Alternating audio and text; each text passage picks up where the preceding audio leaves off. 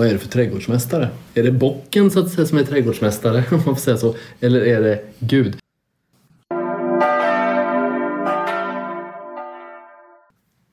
Alla bara, nej men ska, gud ska du inte ta det här stora starka trädet här borta? Mm. Nej, det här trädet, det här lilla pojken. För jag ser att men det här trädet kan bära god frukt.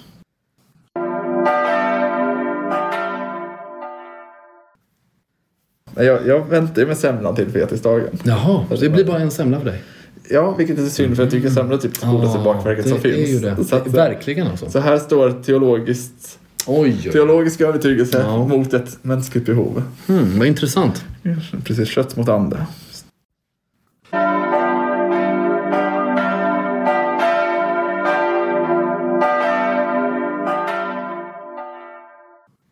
Där har klockorna ringt in till detta åttonde avsnitt i denna säsong nummer två av podden som ska pågå från evig... Nej, det kanske det inte riktigt ska. Vi får väl se. Vi, Vi har- får väl se. Ja, och vi som får se, vilket är kul för att det får vi ganska sällan du och jag. Det, nu blev det ett synskämt, det var kul. Allting. Ja. Men vi som får se just det här är i alla fall Linus Forsberg och Jim Lagerlöf som sitter runt mitt köksbord. Och Hallå. även ni som lyssnar på podden. Hur är allt med dig Jim? Jo, pigg, glad, alert, nyfiken på livet. Hur är det med dig? Eh, lite, lite... eh, Jag höll på att säga studietrött, det är jag inte. Men Nej. jag är väldigt, vad ska man säga, det är mycket studier som tar mycket energi. Men jag är väldigt peppad på dem. Så att studietrött var fel ord. Men Men du är mycket mitt inne i det. jo, precis. Det är uppsats och det är, man ska skriva PM och hemtenta i etik. Och, Just det. Vilket ämne ska du skriva uppsats i? eh, jag skriver systematisk och då kollar jag på eh, sakramentsynen i Svenska kyrkan i förhållande till Kul. Lutherska bekännelseskrifter och lite så här åt vilket håll som de nuvarande biskoparna vill att vi ska gå i hur vi betonar sakramenten. Hmm. Och jag är just nu lite i konflikt med min handledare om huruvida jag får skriva om båda sakramenten eller bara ska fokusera på ett av dem. Just det. Det där är ju en tydlig grej mellan katolska kyrkan och flera lutherska sammanhang då att två sakrament Ja, har man i Svenska kyrkan. Ibland säger man två och ett halvt. Det beror på om- hur man tänker om, om eh, Boten. boten det. Och jag räknar ju till sju eh, sakrament. Men, men oavsett det då, om vi ska ha en ekumenisk approach på, på sakramenten. Vi, vi brukar ju inte betona skillnaderna i den här podden. Vi behöver inte göra det den här gången heller. Vi kan ju betona likheter. Nej men v- vad, vad är ett sakrament? Om man ska försöka ha en lite större, bredare perspektiv på det. Om vi inte ska säga att dopet är ett sakrament, eh, mässan eller nattvarden är ett sakrament. Vad, vad är ett sakrament? ja men precis. Om man har bredare då blir det spännande. Så här. Jag tänker om vi börjar med hur lutheraner definierar så kan vi jobba Ja, vidare. ja. För Luther och lutheraner pratar ju om att det ska vara Guds ord, det ska vara något som Gud instiftar sig att det här ska vi göra och det ska knytas till konkret materia. Det vill säga i dopet har vi vatten som materia. Ja, Och sen så ja, och ligger runt nattvarden, eller Ja. bröd och vinet. Och precis. så kommer Guds ord till det och då blir det ett sakrament. Mm. Det är ju där Luther drar gränsen och det är därför man också då stannar till vid dopet, nattvarden. Ja, det är, jag tycker det är en väldigt bra definition. Alltså det ska finnas i Bibeln, det ska finnas i Guds ord. Man kanske ibland vill säga till och med Jesus ska ha sagt det eller instiftat det eller på något sätt så Jesus ska vara avsändaren. Eller Gud. Ja. Fadern kan det också vara. Men och sen är det ju så att det finns i, i katolska sammanhang ibland så säger man så här ett synligt tecken som eh, ger vidare en osynlig verklighet. Och den osynliga verkligheten är ju nåden. Och nåd är också ett sånt där jättestort begrepp. Vad är, det, vad är det första du tänker på när du använder ordet nåd? Eller när du, man, man pratar ofta om det Ja. i våra sammanhang ju. Eh, Med risk för att jag svarar väldigt akademiskt. Ja, men gör det, det. Nej, men jag skulle säga nåd är när vi får något vi inte förtjänar. Mm. Som är av positiv karaktär. Ja, visst. Alltså precis en oförtjänt gåva. Som en, en positiv oförtjänt gåva. Ja, Ja. verkligen. Och eh, jag, ja, precis. Och jag länge... Det var, det var faktiskt en upptäckt jag gjorde när jag hade blivit katolik. Att jag liksom märkte lite grann att nåd eh, används i en mycket vidare bemärkelse i katolska kyrkan. Alltså man, man betonar eh, i, i första hand nåden som att Gud är givmild och generös. Och, och sen liksom, såklart så tror man ju, som, som du också säger här, att det, den här liksom, Det är inte någonting som människan kan utverka eller, eller så att säga jobba ihop ett visst antal, en viss mängd nåd. eller Men precis, om jag tänker något utanför kyrkan så till exempel lönen är ju inte en nåd på det sättet utan där har vi ju vi har ett avtal, jag har fullföljt min del, jag Mm. Ja, får den här yes. summan pengar. Det, det blir ju inte nåd. Nej, just det. Just det. Oj, Utan nåd blir om vi får lön men inte jobbar. För verkligen. att det fanns ett skäl. Vi, vi var sjuka, skulle egentligen inte få lön men Ja, verkligen. Och det finns ju exempel när Jesus berättar om de här du vet, vingårdsarbetarna. Mm. Eh, Så blir de, ju senare på dagen de kommer in, de får ändå jobba och så får de alla få samma betalt. Ju, Ja. Även om alla inte jobbat lika mycket. Och då är det som att större nåd mot de som kom in sist på något sätt. Och det, Mm. ja. Tycker du att det finns en poäng att prata om eh, särskild nåd? Eller nåd som, eh, kan man säga så här, jag fick en särskild nåd? Hmm. Har det en betydelse i din, i din värld? Jag vet inte om mm, jag tänkt termer av särskild nåd. Jag tänker ju på nåden som specifikt kommer från Gud. Mm. Jo, jo, absolut. Ja. Och där är jag ju... Jag är inne i en period nu att jag är väldigt fascinerad, är kanske fel, fascinerad är ett ord, men det är inte riktigt representativt vad jag söker. Men väldigt... Men nästan, jag blir lite rörd över välsignelsen. Mm. Som jag tycker uttrycker väldigt mycket av nådetanken. Att Herren liksom välsignar oss, bevara oss, vänder sitt ansikte till oss. Och likadant i förlåtelsen, syndernas förlåtelse finns ju också mycket av det här. ja, visst gör det. Så ja, nej. eh, Jag hade någonstans jag ville komma med det, men jag kom ingenstans. Nej, det är värt någonting ändå kanske. Men, men ja, ja, precis. Och att man, man kan nå, nåd från Gud ges både i sakramenten, men som du sa nu då, till exempel i välsignelsen kan man erfara Guds generositet. Mm. Bara det att man finns till är ju en nåd. Ja. Thomas av Aquino sa att eh, den första gudslikheten är existensen. Bara det att du finns Mm. jämfört med att inte finnas då så att säga. Det är ett sätt att avbilda Gud. Och det mest grundläggande sättet. För Mm. Gud är varandet. Ja. Och Gud delar med sig av varandet. Det är ju väldigt intressant perspektiv på, på tillvaron att Gud som är den enda som fanns från, från, från utanför tiden och så. Mm. Han skapar tiden. Och redan där är det, nåden är redan där då så att säga. Världen har inte skapat sig själv eller, eller ingen av oss har skapat oss själva. Utan Gud kommer in som den första röraren och liksom drar igång allting. Och, eh, så nåden behöver inte bara vara kopplad till frälsningen menar jag utan Nej, den är kopplad precis. till massor av olika aspekter av tillvaron. Definitivt. Mm. Nej, men jag tycker det finns någonting väldigt fint i det. Jag tänker nu läser jag ju också kristen etik och då pratar vi mycket om, om livets början och vi pratar om ja, men det etiska värdet i att som kristen om man tror att Gud skapar varje människa så betyder, ger ju det livet ett enormt värde. Ja, Alltså, Gud, Gud har gett oss livet, som, det, som, som vi var inne på. Bara där är det nåd i sig. mm. Men det betyder också att varje liv är på ett sätt ett uttryck för Guds vilja. Och det fordrar en form av respekt för livet. ja så är det. Det tror jag verkligen. Och eh, sen vad mänskligt liv är. Nu för tiden så pratar man om livsduglighet eller liksom livskvalitet Mm. som parametrar. Och, eh, och det, det tycker jag ibland krånglar till det här. Jag, jag omfamnar ju inte det. Jag är ju, om man ska bli lite politisk, det så är jag ju väldigt bestämt emot dödshjälp till exempel. Mm. Är det en politisk fråga? Det är klart det är det. Det är det ju. men Det är också så säga, kristen etik. Ja, men det kristna. Men det är verkligen, det är klart att det är en Men den har ju börjat aktualiseras. Mm, mm, mm, jo. Lite spännande. Jag tror det var 20, jo, hösten 2019 hände det ju någonting i svensk politik. Då var det från att det bara var ett enda parti i Sveriges riksdag som var för dödshjälp Mm. till att det helt plötsligt blev hälften av partierna, och ungefär då hälften av riksdagsmandaten som var för det i någon utsträckning. Så det Jo. var en ganska stor förändring som hände bara på några, några månader. Och då blev det helt plötsligt också en politisk fråga. Ja, verkligen. Nu ska vi prata om, vi släpper den bollen så länge. Okej. Men ni får gärna kommentera i kommentarsfälten vad ni tycker om frågan. Eller om vad vi tycker. Om. Säg gärna emot om ni Ja, känner precis. det. Precis, vi är öppna för olika ingångar. Och, men nu ska vi gå över till kommande söndags evangelieläsning. Och jag undrar Jim, vad kommer ni läsa i katolska kyrkan?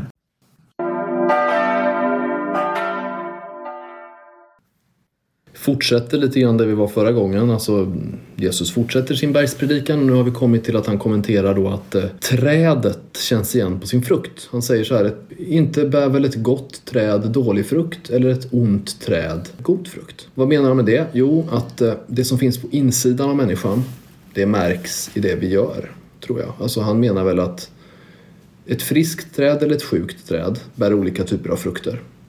Och en, en god människa, om man får prata om det, eller en människa som är ond bär olika frukter. Sen så tror jag att det kan vara viktigt att säga att det, det, det är inte statiskt. Mm. Jag kan ju vara god ibland och ond ibland i den mån som jag eh, lever ut min natur eller min potential. Det, liksom, det fortsätter också resonemanget från förra veckan och nu när du läser etik och så. Det, blir, det tycker jag är väldigt intressant att liksom vi studsar mot det där lite grann. Men, eh, men okej, okay, om jag var ett träd och ville bli ett gott träd, vad, vad behöver ett gott, eller liksom, hur kan, kan man, om man är ett ont träd och vill bli ett gott träd, vad gör man då? Det är ganska svårt att ändra på det själv. Utan jag skulle mm. säga att det behövs ju liksom, jag menar, om man tänker hur vi människor är, att jag tror att mycket handlar dels om har vi, dels om vi har en gudsrelation eller inte spelar roll, tror jag definitivt. Men också hur, vad vi har omkring oss, vilka förutsättningar vi har i livet, hur vi blir bemötta av andra. Jo. Så pratar man träd så blir det väl enkelt. Så hade den en, har den en trädgårdsmästare? Mm. Där har du det, mm. tror jag. Vad är det för trädgårdsmästare? Är det bocken så att säga som är trädgårdsmästare? Om man får säga så. Eller är det Gud? Jesus mm. pratar ju om att alltså, han är vinstocken, vi är grenarna och så går fadern där och ansar. Va? Mm. Jo, precis. Snyggar till, fixar till. Där det finns någonting gott, där mm. ser fadern till att det kommer mer gott. Mm. Och där det finns någonting ont, där klipper han och tar bort. Va? Och man får också se på sitt eget liv så, att låta Gud vara trädgårdsmästaren. Mm. För ett, ett, träd som sköter sig själv, det går ju inte va? Nej. Det kanske, jag vet inte, men de gör så gott de kan. Men till exempel, man måste stå i god jord. Mm. Kanske behöver det vara så, om man tänker dopet, att Gud gräver upp rötterna, dina rötter som står i den dåliga jorden, och sätter ner dem i god jord. Mm.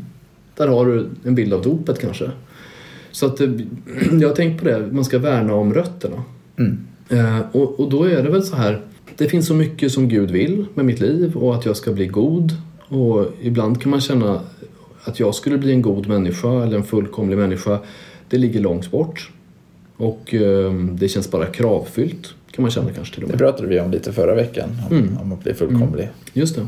Vi hakar i där lite grann för att jag, om misströstan kommer och man känner så här, ja, jag är långt från den jag borde vara. Då behöver man fundera på att Gud inte bara är en som ställer krav. Mm. Det är faktiskt också så att det här, det här trädet, för att må bra, så behöver det få solljus va? Mm. och syre. Och ibland måste man, när man är trött på sig själv, så måste man bara så att säga utsätta sig för Guds kärlek. Mm. Så att säga ställa sig i ljuset. Kanske inte komma till Gud och säga idag har jag verkligen försökt och jag har kämpat och jag har slagits för att göra det allra bästa. Utan ibland får man komma och säga så här, du, jag har ingenting att komma med, men jag tror att du älskar mig ändå. Mm. Och så får man vara i det där. Eh, Det, det tror jag... jag tror, det, det tror jag Martin Luthers biktfader sa till honom vid något tillfälle. När Martin Luther, innan han då blev... Mm. Innan han lämnade den katolska kyrkan. Men att han, då var han ju väldigt... Han, han var ju nästan psykotisk. Han gick och biktade sig väldigt, väldigt ofta och Mm. kände att han behövde be i kapp när han hade missat någon, någon av tidebönerna och sådär. Ehm, och då var han hos sin biktfader väldigt ofta. Och du vet, man, Mm. man går ut genom dörren till biktbåset och känner nej nu, nu gjorde jag någonting på vägen ut, jag måste in igen. Hela den, den känslan som ju är Ja. förödande egentligen för, för psyket. Och då sa i alla fall hans biktfader så här. Titta inte så mycket på dig själv. Titta på Jesus. Mm. Det är vägen alltså. Ja, nej men verkligen. Jag tror att det är något viktigt är som vi var inne på för en stund sedan om att ett dåligt träd kan också bli ett bra träd och Mm. att Gud har möjlighet att så om. Ja. Jag tänker att det hittar vi också ganska många exempel på i, i Bibeln. Att Mm. Även om det då handlar om ganska stora saker som ska göras. Att Gud ger ju uppdrag inte till de som liksom redan är högst upp och som står längst fram i alla lägen. Utan ibland kan Gud peka ut den som vissa skulle säga var ett dåligt träd. Mm. Och säga att Yes. nu är det du som besegrar Goliat här. Exakt. Och alla bara, nej men ska, Gud ska du inte ta det här stora starka trädet här borta? Mm. Nej, det här trädet, det här lilla pojken. För jag ser att men det här trädet kan bära god frukt. Just det. Och det finns många sådana exempel. Så att, att just lita på att när vi blir, för det tror jag man ska bli lite filosofisk, att alla människor blir någon gång i sitt liv att vi går in i en period av att bära dålig frukt. Ja. Att då komma ihåg att Gud kan Väldigt enkelt. Hade jag kunnat knäppa med fingrarna hade jag gjort det, men nu kan inte jag knäppa med fingrarna. Så att det, då hade vi haft någon... Det är också en process, ja. Ja, precis. Och att Gud kan hjälpa oss i den processen.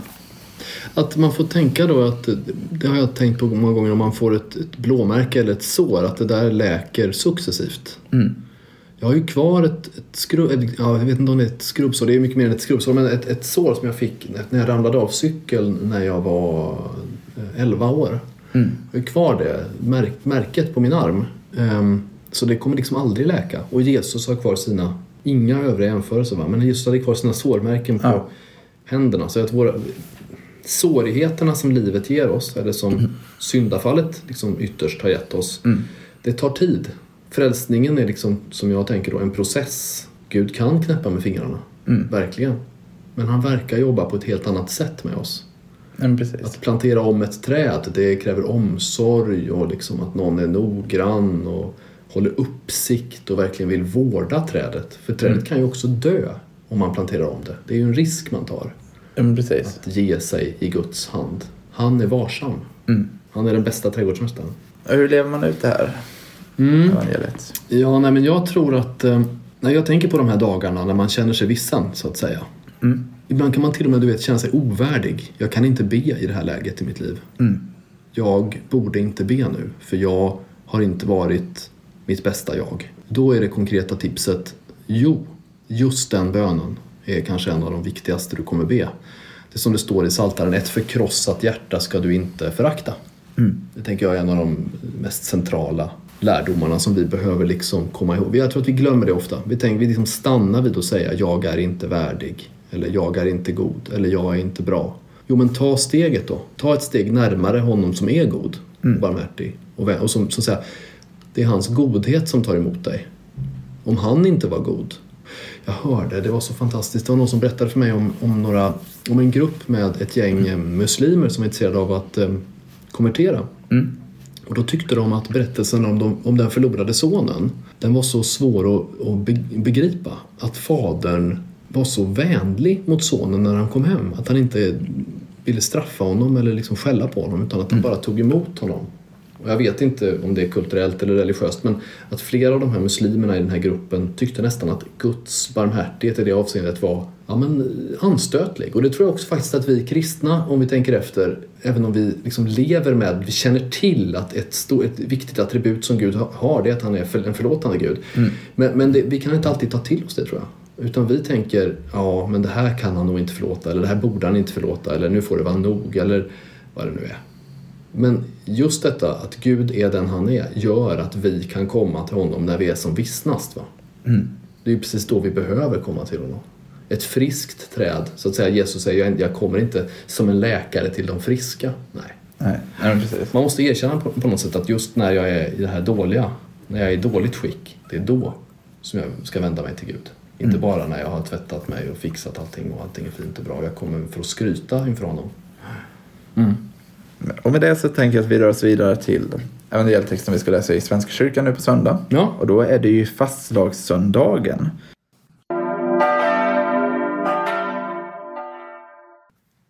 Vi förbereder oss ju inför fasta. Och jag, jag går runt lite i en tankeprocess. Jag vill Mm. väldigt gärna fasta. Jag har inte gjort det jättemånga år, men några år. Men jag kan inte bestämma mig kring vad jag ska fasta Nej. kring. Mm. Och jag vet ju egentligen saker som jag tycker att det här vore jättebra att fasta kring. Men där jag också hittar något litet hinder att men jag vill inte fasta kring detta bara för att den här dagen dyker upp under fastetiden och då vill jag inte kunna ha Ja. det här hindret. Så att jag, och, och nå- någonstans är det kanske det som gör att jag borde fasta kring just det. Det skulle man Mm. kunna argumentera kring. ja. Men det är i alla fall inte mina fastevåndor som texten ska handla om. Men Nej, okej. det. Bland annat kanske. Eh, kanske. Men då är underrubriken i alla fall Kärlekens väg. Mm. Och fastlagssöndagen är ju då att, mm, kan man ju också säga att det är ju tre dagar av fest som inleds med den söndagen. innan fastan. Och det är det här som Verkligen. fastslagen som avslutas med fettisdagen. Då man äter en semla. Om man ska vara väldigt teologiskt konservativ så får man ju då egentligen bara äta semlan. Om man planerar att fasta så har ni inte planerat att fasta så hoppas jag att ni inte... Nej. Verkligen. Ja. Jag har redan ätit ett gäng semlor faktiskt. Men jag, Oj. men jag planerar ju att fasta. ja, ja. Jag, jag väntar ju med semlan till fetisdagen. Jaha, det blir bara en semla för dig. Ja, vilket är synd för jag tycker är typ det godaste bakverket som det finns. är ju det. Så, att, Verkligen alltså. så här står teologiskt, Oj, oj. teologisk övertygelse Ja. mot ett mänskligt behov. Hmm, vad intressant. Precis, kött mot ande. Ja, jag tycker du ska ge upp den verkligen. verkligen alltså. Låt köttet segra. Ja, när det gäller semlor. Ja, precis. Ja. Men vi kommer läsa Johannes evangeliet 12, Ja. verserna 20 till 33. Och det är ju här där Jesus eh, börjar tala om sin död. Och Jesus pratar om vetekornet ska dö för att ge rik skörd och eh, inte ligga där i marken ensamma. Vi får höra att vi ska följa Jesus. Eh, Fadern talar från himlen om att eh, hans namn förhärligas. Och den här rösten säger Jesus att den hörs ju inte för Jesus skull utan för vår skull. Ja. Och sen pratar Jesus också om att världen ska dömas. Det här är en sån, en sån perikop där det händer väldigt mycket på bara några verser. Men det finns lite- lite saker som jag tycker är fina att stanna till vid. Dels så hittar vi här i början av den här perikopen ett av de här momenten där Bibeln pekar om hur döden leder till livet. Och inte så som man kanske pratar om mycket i vår sekulära tid, att så här, först kommer livet, sen döden. Jag tror vi pratade om det kanske i höstas också när det var en söndag i Svenska kyrkan med underrubriken just döden och livet. Att i kyrkan så pratar vi inte om att döden är slutet. Mm. Att döden Nej men visst. Livet kommer... Det verkliga livet är efter döden. Mm, och- Men det som jag vill stanna till vid vid den här texten, det är ju då att vi får höra att Gud, och inklusive Jesus här, som är Gud, blir förhärligad. Mm. Men det är det som gör det lite svårt för vissa människor att ta till sig av detta kring Jesu tid. Att Jesus blir ju inte förhärligad så som man var van vid. Man pratar ju ofta om förhärligad, att det var kungar som blev det. De som hade framgång, de som nådde högst upp i hierarkin. Ja.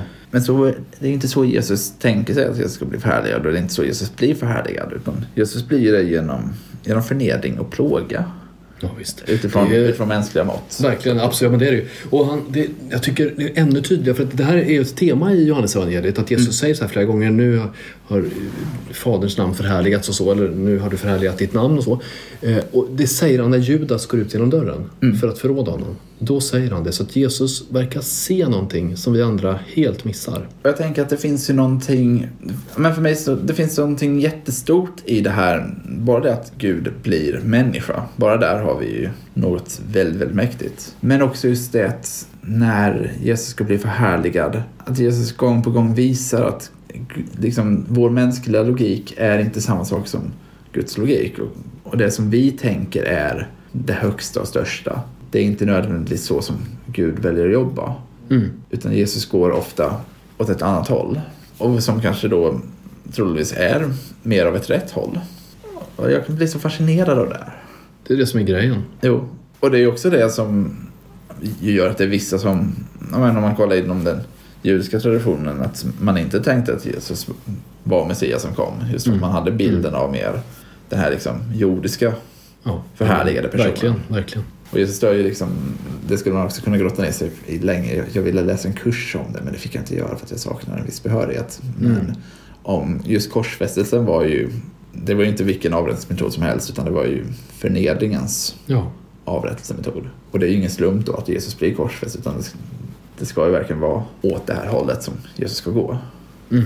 Och att han vet om det så tidigt. Man är så olika va? Man förhåller Mm. sig väldigt olika till att man ska göra någonting jobbigt. Ibland så skjuter man det framför sig. Man vet att jag behöver göra den här jobbiga saken. Det kanske blir bra efteråt men jag måste göra den här jobbiga saken. För Mm. Jesus känner ju såklart till att himmelriket finns i verkligheten. Det är en verklighet och dit ska jag. Mm. Tyvärr, vägen dit är korset. Eh, sen så uppmuntrar han ju andra att följa. Han säger så här, alla behöver ta upp sitt kors som vill följa honom. Ja. Men det är ju ändå, eh, jag undrar hur han, eh, vilket ljus, att uppståndelsen kan kasta ett ljus. Fast jag tror att det liksom överskuggas när han går omkring där och botar sjuka. På ett sätt är uppståndelsen närvarande hela tiden. För han är liksom den som ska uppstå och han vet om det. Mm. Men han är också den som ska lida och dö och han vet om det och det är samma person hela tiden. Så båda de här uh, korsets skugga finns över allt Jesus gör och uppståndelsen. Samtidigt, samma stund, samma sekund är båda de här liksom så närvarande i alla hans handlingar, alla hans ord på något sätt. Om man då kommer in på hur det här evangeliet ska levas ut så vill jag ändå ta fasta vid det. Att vi ska in i fastan. Kul om man uppfattade den ordvitsen. Ja, men det är bra. Ja. Nej men för att... Får vi eh, ta fasta på. ja, för det här är fastlagssöndagen. Man förbereder sig. Men sen är ju fastan prövningen som vi går igenom fram Ja, till påsken. Absolut. Och jag skulle verkligen vilja uppmana alla här att fasta. Mm. Ta de här 40 dagarna som kommer fram till påsk från att fastan börjar. Och fasta kring någonting. Ja, visst. Hitta någonting. Och där, där vet jag inte riktigt, där kan vi kanske ha en liten avslutande diskussion kring. Mm. För att i Svenska kyrkan har man ju vidgat fastebegreppet ganska mycket på senare tid. Till att det inte behöver vara en konkret matfasta. Utan det kan vara någonting som är ja, men i princip viktigt i ens liv. Men som man bestämmer att nu är det 40 dagar då jag plockar bort det här. Det är, vissa väljer att jag, jag röker inte på 40 dagar till exempel. Det kan vara en fasta för vissa. Om man röker mycket, vissa plockar bort. Säger att jag ska inte vara inne på social media på 40 dagar. Men hur är det i katolsk tradition? Hur- Hur definierar man fastebegreppet där? Ja, jag tror vi kommer tillbaka till det här också i nästa avsnitt. Men, men lite kort bara så kan man väl säga så här att eh, det har blivit eh, mer och mer fritt Mm. under 1900-talet. Alltså från ganska specifika matregler eh, för fastans dagar eh, så finns det, det som katoliker behöver tänka på det är två abstinensdagar heter det då. Det är askonsdagen som är nästa onsdag. Och eh, så är det långfredagen och då är det tänkt, tänkt, då äter man bara ett mål mat. Om man inte är sjuk eller för gammal eller för ung. Då äter man bara ett mål mat de dagarna. Eh, I övrigt så är kyrkan väldigt eh, fri kring hur, hur man fastar. Det finns såklart väldigt olika lokala traditioner. I min familj så äter vi vegetariskt till fastan. Och sen brukar jag försöka också ha något eget fastelöfte som jag själv, som har med min liksom, andliga disciplin på något sätt att göra. Ehm, och det måste jag vara ärlig mot dig och säga att jag inte har kommit fram till än vad det, vad det kommer bli. Man har ändå en vecka på sig nu från att ni hör det här till att askonsdagen kommer och fastan inleds. Och jag hoppas att eh, alla som hör nu har chans att gå på en askonsdagsmässa. Eh, Det är ju en av de vackraste Oh ja. Eh, faktiskt tycker jag en av de vackraste liturgiska händelserna på året. Eh, när man får det här korset i pannan. Ja. Eh, och sen är det väl olika vad, vad prästen säger men ibland säger de Minns att du är stoft och stoft ska du åter bli. Mm. Jag tror att vi utan det perspektivet så är det svårt att leva. Man måste komma ihåg det. Vem är jag i förhållande till den här skapelsen och i förhållande till Gud? Om jag tror att det är jag som är Gud, då blir det helt fel. Och det tror ju människor väldigt ofta. Nej men en bra uppmaning som sagt. Vi uppmanar fasta. Ja, Jag är ju, tycker ju att om man har den här friare fasta definitionen som man börjar komma. Då, då är jag ju emot undantaget som fanns för att man bröt fastan på söndagar. Så mm. jag, jag väljer att min fasta håller ju i 40 dagar. Just i och med att det inte är en traditionell mat, avstå från mat, fasta.